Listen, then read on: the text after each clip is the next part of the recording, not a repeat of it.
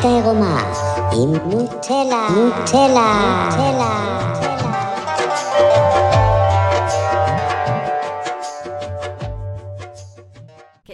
אז אני נוטלה, אה, זה הפודקאסט שלי, האמת העירומה, שאני מדברת על כל מיני נושאים שלפעמים קצת מביך אותנו לדבר עליהם.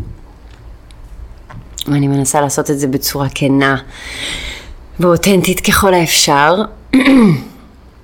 עליתי על דפוס שלי לאחרונה, שבעיניי היה מאוד מעניין לגלות, אז רציתי קצת לחלוק אה, כמה שאני יכולה בנושא.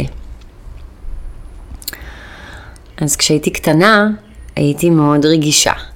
ואחד הדברים שאומרים עליי בבית זה שהייתי נעלבת מכל דבר. זה כי הייתי נורא רגישה. וגדלתי בסביבה שקצת פחות ידעה להכיל את הרגישות שלי, בוא נגיד ככה. אה, אז פיתחתי אור של פיל. באור של פיל זה כאילו שום דבר לא מזיז לי, שום דבר לא מעניין אותי, אתם יכולים להגיד לי מה שאתם רוצים, זה לא פוגע בי. למרות שזה כן פוגע בי, אבל ידעתי לשחק אותה ולעשות מבחוץ כאילו לא. ובאיזשהו שלב כבר התחלתי להאמין לזה שזה לא פוגע בי ולעשות, להתנהג כאילו ממש זה לא פגע בי ולגמרי זנחתי את הצד הרגיש שבי ואת ה, הילדה המתוקה הזאת והרגישה והעדינה. וזה יצר אצלי כל מיני דפוסים שאני עושה דברים או נפגשת עם אנשים או חברה של כל מיני אנשים, למרות שהם לא עושים לי טוב. כי כאילו, לא נורא, אני בסדר, אני מבינה אותם, אה, אני כאילו אוכלת את הכאב שלהם, ואני בסדר, אני בסדר. וזה מחזיר אותי כזה לילדות בהקשר של להיות האחות הבכורה בבית, הייתי האחות הגדולה, היו לי שתי אחיות קטנות, אחת קטנה ממני בשלוש שנים ואחת בחמש. אז היינו ממש צמודות בגילאים אפשר להגיד. 84, 87, 89. ואחותי האמצעית גם קצת משוגעת, לא הכי בסדר אולי, נעים לי להגיד את זה, היא מותק סך הכל. ואחותי הקטנה הייתה תמיד אה, מותק שקטה כזאת, חמודה. ואני הייתי אחות הגדולה.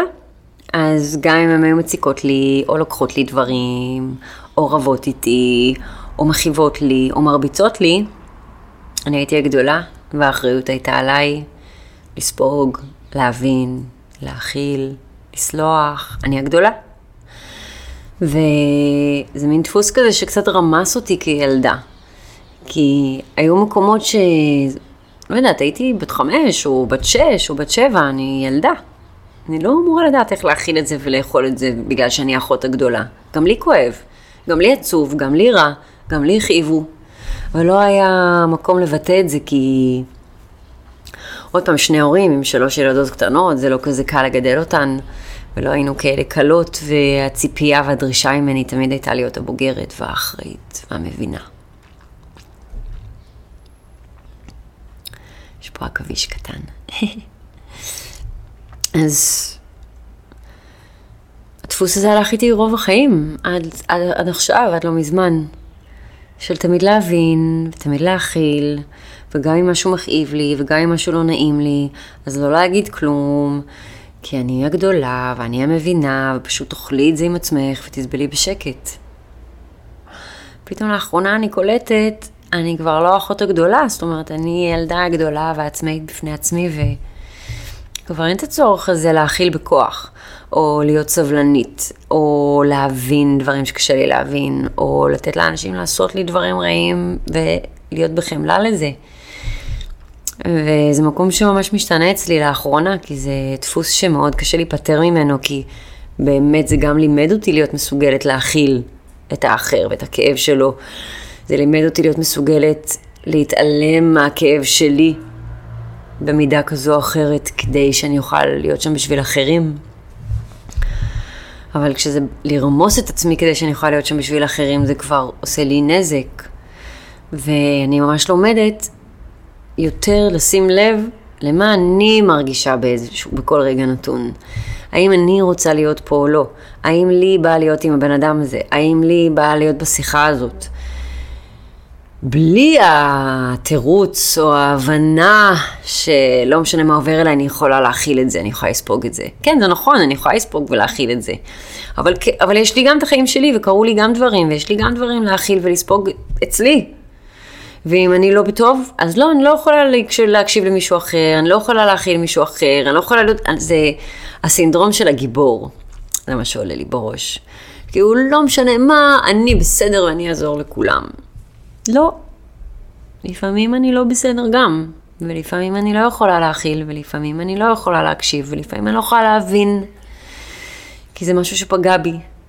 ואני לומדת לתת לילדה שבתוכי, הרגישה והעדינה, את המקום שלה, ולראות אותה, ולא להרוג אותה בשם הצדקנות של האחות הגדולה. אני חושבת שזה קורה גם לגברים, לא רק לנשים, אולי אפילו יותר. איזשהו סינדרום גברי של האח הגדול שצריך לשמור על האחים, או על, על, על אחותו, על האחיות שלו. והוא צריך, הוא, הוא לומד בילדות באיזשהו מקום עם ההורים שלו, לשים את עצמו בצד ולהיות שם בשביל מישהו אחר. ואני למדתי את זה טוב, אני תלמידה טובה. אז למדתי בגיל ממש צעיר לשים את עצמי בצד ולהיות שם בשביל אנשים אחרים. וזה בסדר, הדפוס הזה כל עוד אני לא מתעלמת מאיך שאני מרגישה וממה שאני צריכה. ואני חושבת שזה מה שקורה לנו ברוב הפעמים. כאישה זה גם קרה לי בסקס.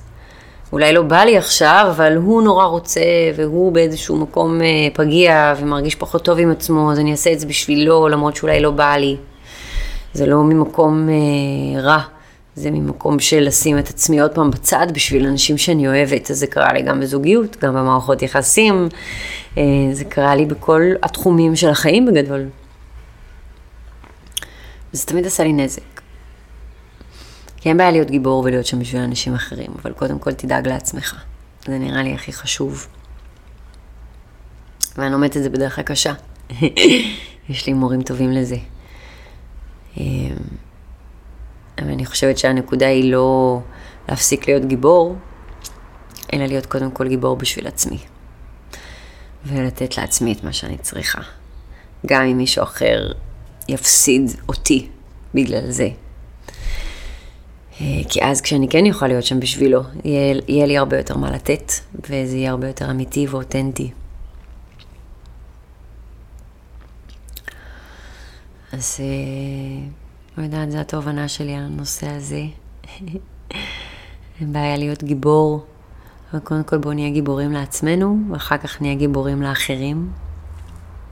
וגם לא על חשבוני.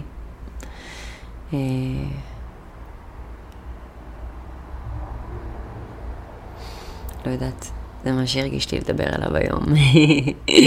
אז בהצלחה לי בדרך שלי לא להיות גיבורה כל כך כל הזמן. ואני מקווה ומבקשת מאלוהים את הכוח לזכור, לראות גם את הרגישות שלי ואת העדינות שלי ואת הילדה שבתוכי, הרבה יותר ממה שאני רואה היום, כי אני לא רואה אותה מספיק. ואני אמשיך לתרגל את זה. אני ממליצה לכם גם. זהו, אנחנו נשתמע בקרוב. ביי בינתיים.